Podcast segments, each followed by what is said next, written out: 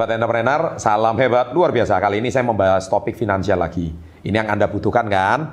Oke, saya kali ini akan membahas tentang tujuh ciri-ciri orang yang punya kondisi finansial tidak sehat. Apa saja itu?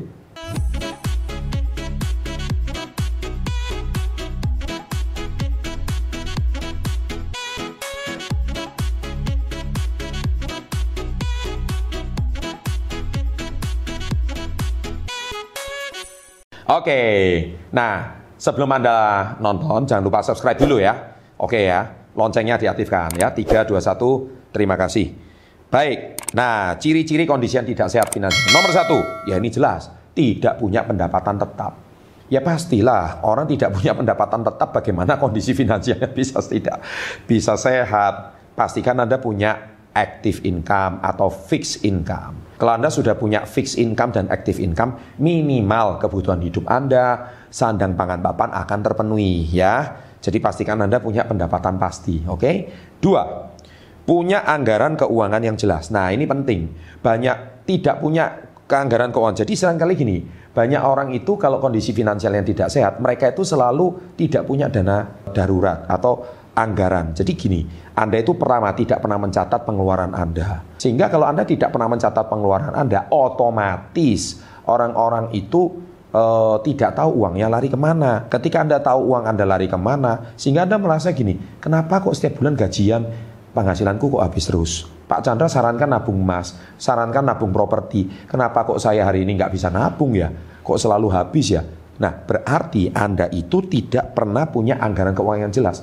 Padahal mungkin setiap bulan ketika Anda gajian tanggal 31 atau tanggal 1, langsung setiap bulan itu Anda habis untuk bayar ini, bayar ini, posnya habis ini, ini, ini, ini, ini, dan Anda tidak punya anggaran yang jelas. Nah itu, oleh sebab itu pastikan Anda punya anggaran yang jelas pasti untuk menabung.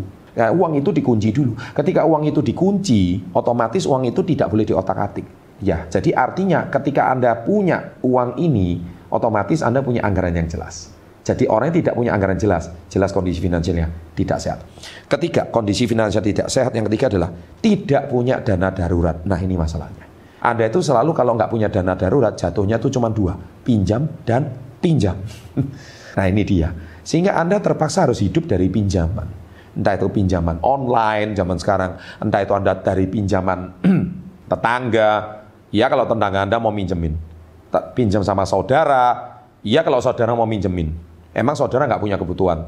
Pinjam sama bank, ya jelas ada bunga. Iya kan? Pinjam sama ini, pinjam sama operasi. Sehingga ketika pinjaman itu uh, Anda tidak bisa lunasi, Anda punya masalah finansial baru. Oleh sebab itu pastikan Anda harus punya dana darurat.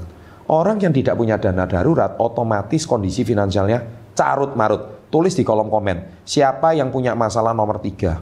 Ya, tulis ya. Yang keempat, Anda tidak bisa memenuhi kebutuhan pokok tanpa tersiksa. Jadi Anda tidak bisa memenuhi kebutuhan pokok tanpa tersiksa. Artinya gini, kebutuhan pokok itu sudah jelas. Contohnya, untuk cicilan, mungkin motor, atau mobil, atau rumah. Ya kan? Kedua, kan itu sudah jelas, sandang pangan papan. Kedua, Anda tidak punya eh, kebutuhan pokok tersiksa itu gini, uang sekolah anak contohnya, Anda tidak punya satu uh, income yang pasti. Sehingga kebutuhan pokok itu terasa sangat tersiksa. Padahal sudah jelas uang sekolah anak di sini. Ya, Pak, solusinya gimana dong, Mbak? Kalau income saya tidak cukup untuk uang sekolah anak. Ya, Bu, jangan anaknya itu sekolah di sekolah yang mewah. Ya, sekolah yang lebih standar. Turunkan standar sekolahnya. Nggak masalah lah. Atau misalkan kalau nggak bisa sekolah swasta, ya sekolah negeri juga nggak masalah. Kan lebih membantu. Nggak perlu nurutin gengsi lah kalau nurutin gengsi nggak habis-habis karena income Anda kan lagi goyang ya. Jadi kebutuhan pokok itu sangat tersiksa. Yang kelima, ciri kondisi finansial tidak sehat yaitu rasio hutang tidak lebih dari 30%. Nah, ini sering kali gini. Banyak orang itu rasio hutangnya itu di atas 30%. Contoh, kenapa setiap kali Anda itu kalau kredit motor, Anda itu kalau dicek mana uh, tabungan kamu, mana gaji tetap kamu, slip gaji mana? Kenapa dia harus cari slip gaji? Karena dia mau tahu setiap bulan itu income yang masuk berapa. Ketika setiap slip gaji yang income yang masuk itu setiap bulan, contohnya gaji Anda satu bulan 4 juta, maka tidak boleh angsuran itu lebih dari 30%. Contoh, saya berani ngangsur 2 juta, itu pasti nggak dikasih. Karena dia pasti akan rasio hutangnya gaji 4 juta dikali 30% dulu, 1,2. Maka Anda angsurannya tidak boleh lebih dari 1,2. Karena dianggap 2,8-nya untuk kebutuhan sehari-hari. Ya paham ya sahabat entrepreneur ya. Dan dicek di PI checking, apakah Anda itu punya nggak eh, tabungan atau angsuran yang lain. Kalau Anda punya angsuran motor, mobil, rumah di total lebih dari 50%, ya jelas kreditnya tidak cair. Nah, oleh sebab itu, Anda tidak boleh punya rasio hutang lebih dari 30%. Nah, kondisi finansial tidak sehat adalah rasio hutangnya more than 30%. Oke? Okay? Siapa yang lebih dari 30%, tolong segera dikurangi. Yang keenam, tidak punya proteksi diri. Nah, ini saya sangat sarankan Anda harus punya BPJS. Kenapa? Kalau Anda sakit mendadak, Dana dari mana? Ya, saya bukan endorse dari pemerintah ini. Murni saya berbagi, Anda harus punya BPJS. BPJS itu sekarang berapa sih? Yang golongan 1 160 ribu. Golongan 2 mungkin cuma separuhnya. Minimal Anda harus punya golongan 2 atau golongan 3. Kenapa? Itu asuransi itu adalah uang kecil tapi membeli uang besar. Tulis itu. Asuransi kecil adalah uang kecil membeli uang besar. Anda mungkin menganggap bahwa satu bulan 80 ribu, 100 ribu itu berat. Tapi sekali Anda sakit, itu uangnya nggak seri.